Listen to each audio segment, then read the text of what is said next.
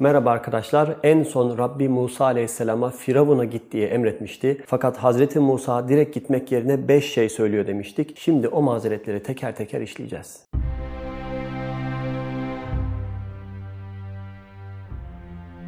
Birincisi Kale Rabbi inni ehafu en yukezzibun. Bana yalancı demelerinden korkuyorum. İki ve yadîku sadri. Benim göğsüm daralır. Buna benzer ifadeler Kur'an'da çokça geçer. Kur'an dilinde panik atak yapma, endişe duyma demek. Yani bu vazife karşısında ben ezilirim, terlemeye başlarım, sesim titrer. Artık ben kendim olamam. Müthiş bir endişe, bir anksiyete hali. Üç, ve la yenteliku lisani dilim dönmez konuşamam. Zaten panik atak yaşayan birinin başına gelecek ilk şeylerden biri dilinin dönmemesidir. Öyle bir hale bürünürüm diyor. 4. Fe ersil ila Harun. Bunları ben yapamam ama bu işe tam uygun, çok da güzel, fasih konuşan birini tanıyorum. Abim Harun. Bu vazifeyi ona verebilir misin? diyor Allah'a. Ve 5. Ve lehum aleyye zemmun fe ehâfu en yaktulun. Onların bana isnat ettikleri bir suç var. Onların gözünde suçluyum ben. Biliyorsunuz o suçu. Bu yüzden beni öldürmelerinden korkuyorum. Aslında bakarsanız arkadaşlar dürüst olmak gerekirse bu söylediği 5. mazeretin birinci sırada olmasını beklerdim ben. Niçin? E sonuçta öldürüldükten sonra ne yalancı olarak anılmaktan, ne göğsünün daralmasından, ne dilinin dolanmasından çekinmez bir insan. Ölüm kalım meselesi.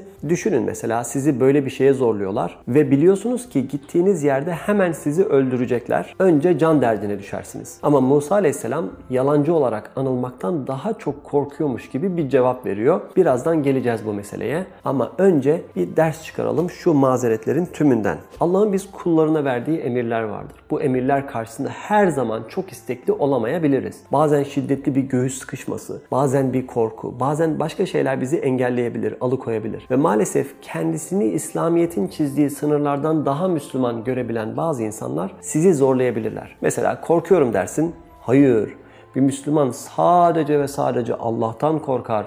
Eğer Allah'tan hakkıyla korksan başka hiçbir şeyden korkmazsın.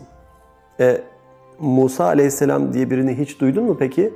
Çünkü o dağın başında Allah'la birebir konuşurken Allah ona kıyamet gününden bahsediyor. Hatta kıyamet günüyle tehdit ediyor. Musa Aleyhisselam da diyor ki ya Allah kıyamet günü beni dehşete düşürüyor ama hala Firavun'un karşısına çıkmaktan korkuyorum. Yani Allah korkusunun olması bizim başka meşru korkularımız olmayacak manasına gelmez. Tabii ki korkacağız. En nihayetinde sistemimize yerleştirilen bir duygu. Bu duyguyu Allah çok kıymetli bir emaneti muhafaza etmemiz için vermiş. Can emaneti. Yani teorik olarak nazari bazı hesaplamalara dalıp olması çok düşük ihtimaller dahilinde olan şeylerle kendimize zulmetmek için değil. Hatırlarsanız meşhur Rain Man filminde Tom Cruise'un abisi otistik bir dahi, filmdeki adı Raymond. Bir yerden Los Angeles'a uçmaları lazım. Adam hiçbir uçak firmasıyla uçamayacağını çünkü hepsinin geçmişte en az bir defa kaza yaptığını söylüyor. O yüzden illa Avustralya'nın hava yolları şirketi Qantas ile uçmak istiyor. Çünkü Raymond'ın dediğine göre Qantas geçmişte hiç kaza yapmamış. They are. Qantas. Qantas? Qantas never crashed. Qantas? Never crashed. Well, that's. Never crashed. I mean, that's gonna do me a lot of good, Ray. Yeah. You see, Qantas doesn't fly to LA out of Cincinnati. You have got to get to Melbourne. Australia. Melbourne, Australia, in order to get the plane that flies to Los Angeles. Do you hear me?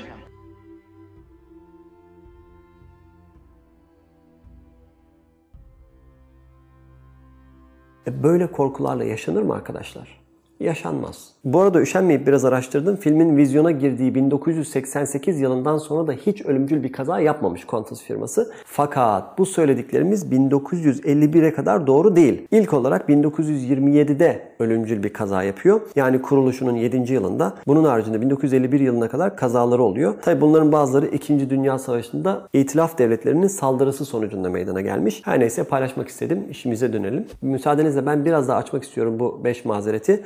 Bunlardan ilki Rabbi inne ehafe en yukezzibun. Beni yalanlayacaklar, bana yalancı diyecekler diye çok korkuyorum. Çünkü birine yalancı diyerek aslında o insanı rezil edersiniz. Küçük duruma düşürmek, aşağılamak, gülünç hale sokmak demek. Hz. Musa hemen aklında bir film oynatıyor. O filmde Mısır'a geri döndüğünü ve saraya gidip Allah'ın Resulü olduğunu söylüyor ve karşısında insanları sözleriyle, yaptıklarıyla acımasızca istismar eden Firavun'un nasıl bir cevap vereceğini düşünüyor. Muhtemelen şöyle bir cevap verecek. Sen bir peygamber oldun. Cinayetten aranan bir peygamber. Ve biz insanlar için küçük düşürülmek çok korkunç bir şey. Hatta bazen ölmekten bile daha fena ve şiddetli bir his. O yüzden mazeretlerini söylerken ölümü 5. sıraya koyuyor. Dünyaya gelmiş geçmiş en cesur insanlardan birinin bile böyle küçük düşürülme korkusu varsa sen ve ben de böyle bir korkuya sahip olabiliriz. Hayvanların böyle bir korkusu yoktur ama insanlar öyle değil. Ofisinizdeki patron sizi küçük düşürdüğünde, sınıfta öğretmeniniz sizi arkadaşlarınızın yanında yalanladığında, akrabalarınız sizi gülünç hale soktuğunda, sizi aşağıladığında ne olur? Etkilenmez misiniz? Allah'tan korksanız bile onların bu ithamlarından korkmaz mısınız? Ne olur ben tecrübeyle söyleyeyim size. İştahtan kesilirsiniz. Bazılarınız depresyona girer. Ne yapacağınızı bilemez. Felç olursunuz. Gece uyuyamazsınız. Yorganız üzerinize çekip bir o tarafa bir bu tarafa dönüp yaşadığınız olayları hatırlar, hayali konuşmalara dalarsınız. Bazen hasta olup yatağa bile düşersiniz. Niye? Biri size sadece ve sadece iki dudağı arasından çıkan bazı şeyler söylediği için. Ve bu his duruma göre ölümden bile beter olabilir. Hazreti Meryem selamun aleyha'yı hatırlayalım. Hazreti İsa aleyhisselamın annesi onu dünyaya getirdiği zaman soruyor. Ben bu bebeği nasıl açıklayacağım? diyor kendi kendine. Çünkü Allah Hazreti Meryem'in konuşup kendisini anlatmasını bile yasaklamış. İnsanlar onu bekliyor köyde. Arıyorlar, arıyorlar. En son bulamayınca en son o kucağında bebekle dönüyor Hazreti Meryem. Hiç evlenmemiş gencecik bir kadın. Peki o insanların karşısında kendi hikayeni anlatmazsan ne olur? Onlar senin hakkında kendi yazdıkları hikayeyi konuşmaya başlarlar. Ve hikayenin aklınıza gelebilecek en kötü versiyonunu konuşurlar. Hz. Meryem görüyor neyin geldiğini ve içini müthiş bir sıkıntı kaplıyor ve Meryem suresindeki o acıklı duasını yapıyor. Ya leyteni mittu kable hâzâ ve kuntu nesyen mensiyya. Keşke bundan önce ölü verseydim de hafızalardan kökten silinip unutulup gitseydim. Bazı aşağılamaların, isim takmaların ölümden bile beter olduğunu o annemizin bu ifadelerinde görüyoruz ki kim bilir dünya üzerinde her gün bu duayı yapan kaç bin kişi vardır. Bir de normalde bir insanı öldürmek en büyük günahlardan sayılıyor ama burada aşağılamanın, birilerini yalanlamanın, küçük düşürmenin öldürmekten bile beter bir seviyesi olabileceği anlaşılıyor. Elhamdülillah kimseyi öldürmemişizdir. Şimdi parmak falan kaldırmayın arkadaşlar öyle öldüren birisi varsa. Kimseyi öldürmedik ama hiç kimseyi aşağılamadık diyebiliyor muyuz? Farkına varmadan küçük düşürdüklerimiz olmadı mı? Hiç kimse hakkında dikkatsizce yorumlar yapmadık mı? Ailesi hakkında lafazanlık yaparak incittiğimiz, arkasından konuşmak suretiyle üzdüğümüz, başkalarını güldürmek için küçük düşürdüğümüz, sarkastik sorular sorarak gülünç hale soktuğumuz insanlar olmadı mı? Ve en kötüsü de insanlar genelde dışarıda başkalarına karşı çok nazik ve anlayışlıdır ama aynı insan kendi ailesine karşı acımasızca tavırlara bürünebiliyor. Adam dışarıda çok nazik, şeker mi şeker. Böyle elini verip sıktığında çok samimi olduğuna inanıyorsun. Ama eve geçince firavunlaşıyor. Bağırıp çağırabiliyor. Veya kadın dışarıda başkalarına karşı hep çok nazik, çok anaç görünüyor. Ama evde ailesine karşı hiç aklınıza gelmeyecek şekilde karşı tarafı incitecek sözler söyleyebiliyor. Niye böyle diyor? Çünkü zannediyoruz ki dışarıda insanları aşağılamak günah ama evdekileri yahut yakın akrabalar sayılmıyor. Abin, ablan, eşin, akrabaların hak etmiyor nazikçe davranılmayı. Veya çocuğun,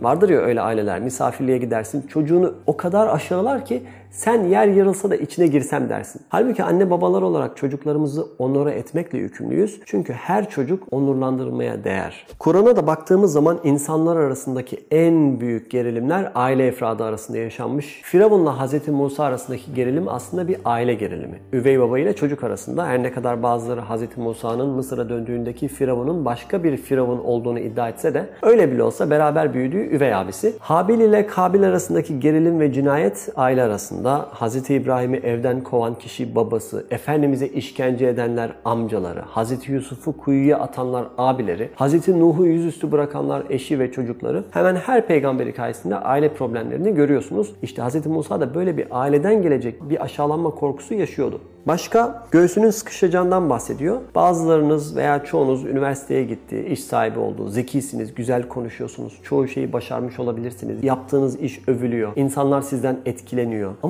bir kişi var ki hayatınızda, bu aileden de olabilir. Konuştuğu zaman 20 saniye içinde ama ne söyleyeceklerini çok iyi biliyorlar. Göğsünüzü sıkıştıracak şeyler söyleyebiliyorlar. Başka herkesi idare edebilirsiniz ama bu insan sizi tanıdığı ve öyle bir yapısı olduğu için çok kısa bir sürede göğsünüzü sıkıştıracak sözler edebiliyor. Veya bazı insanlar sarkazm yapıyor. Bak mesela bahsettiğim zaman çoğunuz bana hak vereceksiniz. Adamı arıyorsun. Belki görüşmeyeli biraz vakit geçmiş. O beni hatırladın demek diye açıyor telefonu. Halbuki selam verip abi çok özledim dese. Ya onlar öyle demez. Hayırdır niye aradın? İşin düştü herhalde. Kötü bir niyet yok ama bulu yapıyorlar insanı. Normalde kimseye müsaade etmezsiniz ama hayatınızda her defasında böyle duyguları size yaşatan, kendinize söz verseniz bile her defasında size yaptığı yanına kar kalan tanıdıklarınız vardır. Ve aynı tuzağa her defasında düşersiniz. Ve bu yüzden onları ararken veya onlar sizi ararken göğsünüz sıkışır. Hz. Musa aleyhisselam kimle karşı karşıya geleceğini biliyordu. Her ne kadar Firavun Hz. Musa'yı sevse de dünyanın en zalim kişisiydi. Bunun yanında sözleriyle de duygusal ve psikolojik alanlardaki en büyük tacizciydi. O yüzden göğsü sıkışıyor, panik atak yaşayacağını iddia ediyor.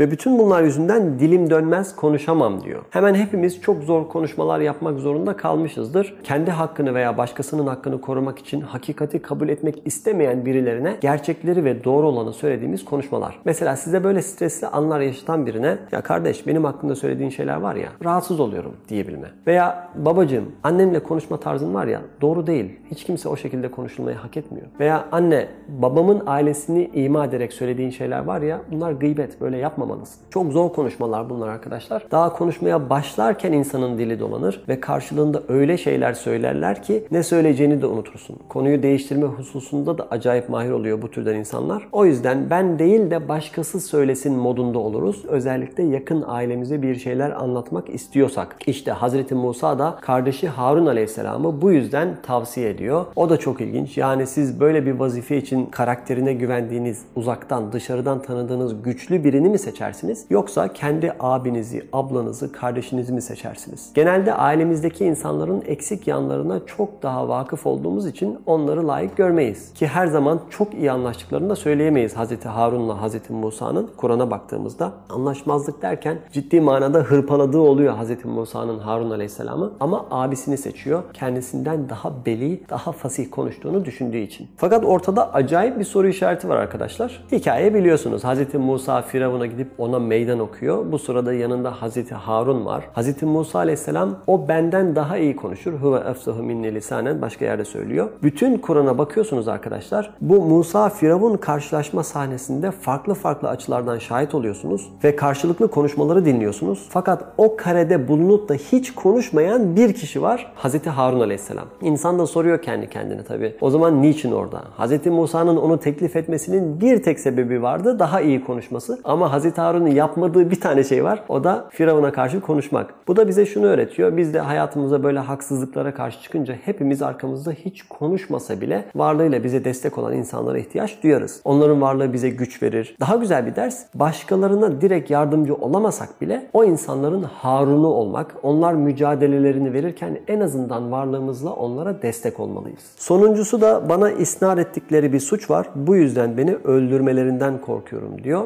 E o da Allah'ın elinde, kendi kontrolünde olan bir şey değil. Bütün bu beş mazereti sıraladıktan sonra Allah'ın tek kelimelik bir cevabı oluyor. Kale kella, asla, kat'a, not at all. Yani korkuyorum diyor, kella, asla korkmayacaksın. Göğsün daralır, kella, rahat olacaksın. Dilin dönmez, hayır, çok güzel konuşacaksın. Öldürecekler beni, Hayır, ölen sen olmayacaksın. Aslında vazifenin Harun Aleyhisselam'a verilmesi teklifine de kella diyor. Yani asıl vazife senin ama fezheba. ikiniz birlikte gidin. Tamam onu da Nebi yapıyor. Dolayısıyla sadece bu isteğini kısmen yerine getiriyor. Fezheba bi ayatina mucizelerimizle beraber gidin diyor ayet. Bakın ayet kısa bir ayet ama henüz bütün kelimelerini bitirmedik. Burada kesip ayetin devamını önemine binaen bir sonraki derste işlemek istiyorum. Ayrıca Hz. Musa yıllar önce Mısır'dan ayrılmış olmasına rağmen nasıl oluyordu da abisinin hayatta olduğunu ve peygamberliğe yakışır bir nitelikte olduğunu biliyordu. Hz. Harun'a ilk ilahi mesaj nasıl ve ne surette gitti? Bunlarla ilgili çok kısa bazı mülahazalarımız da olacak. Görüşmek üzere. Allah'a emanet olun.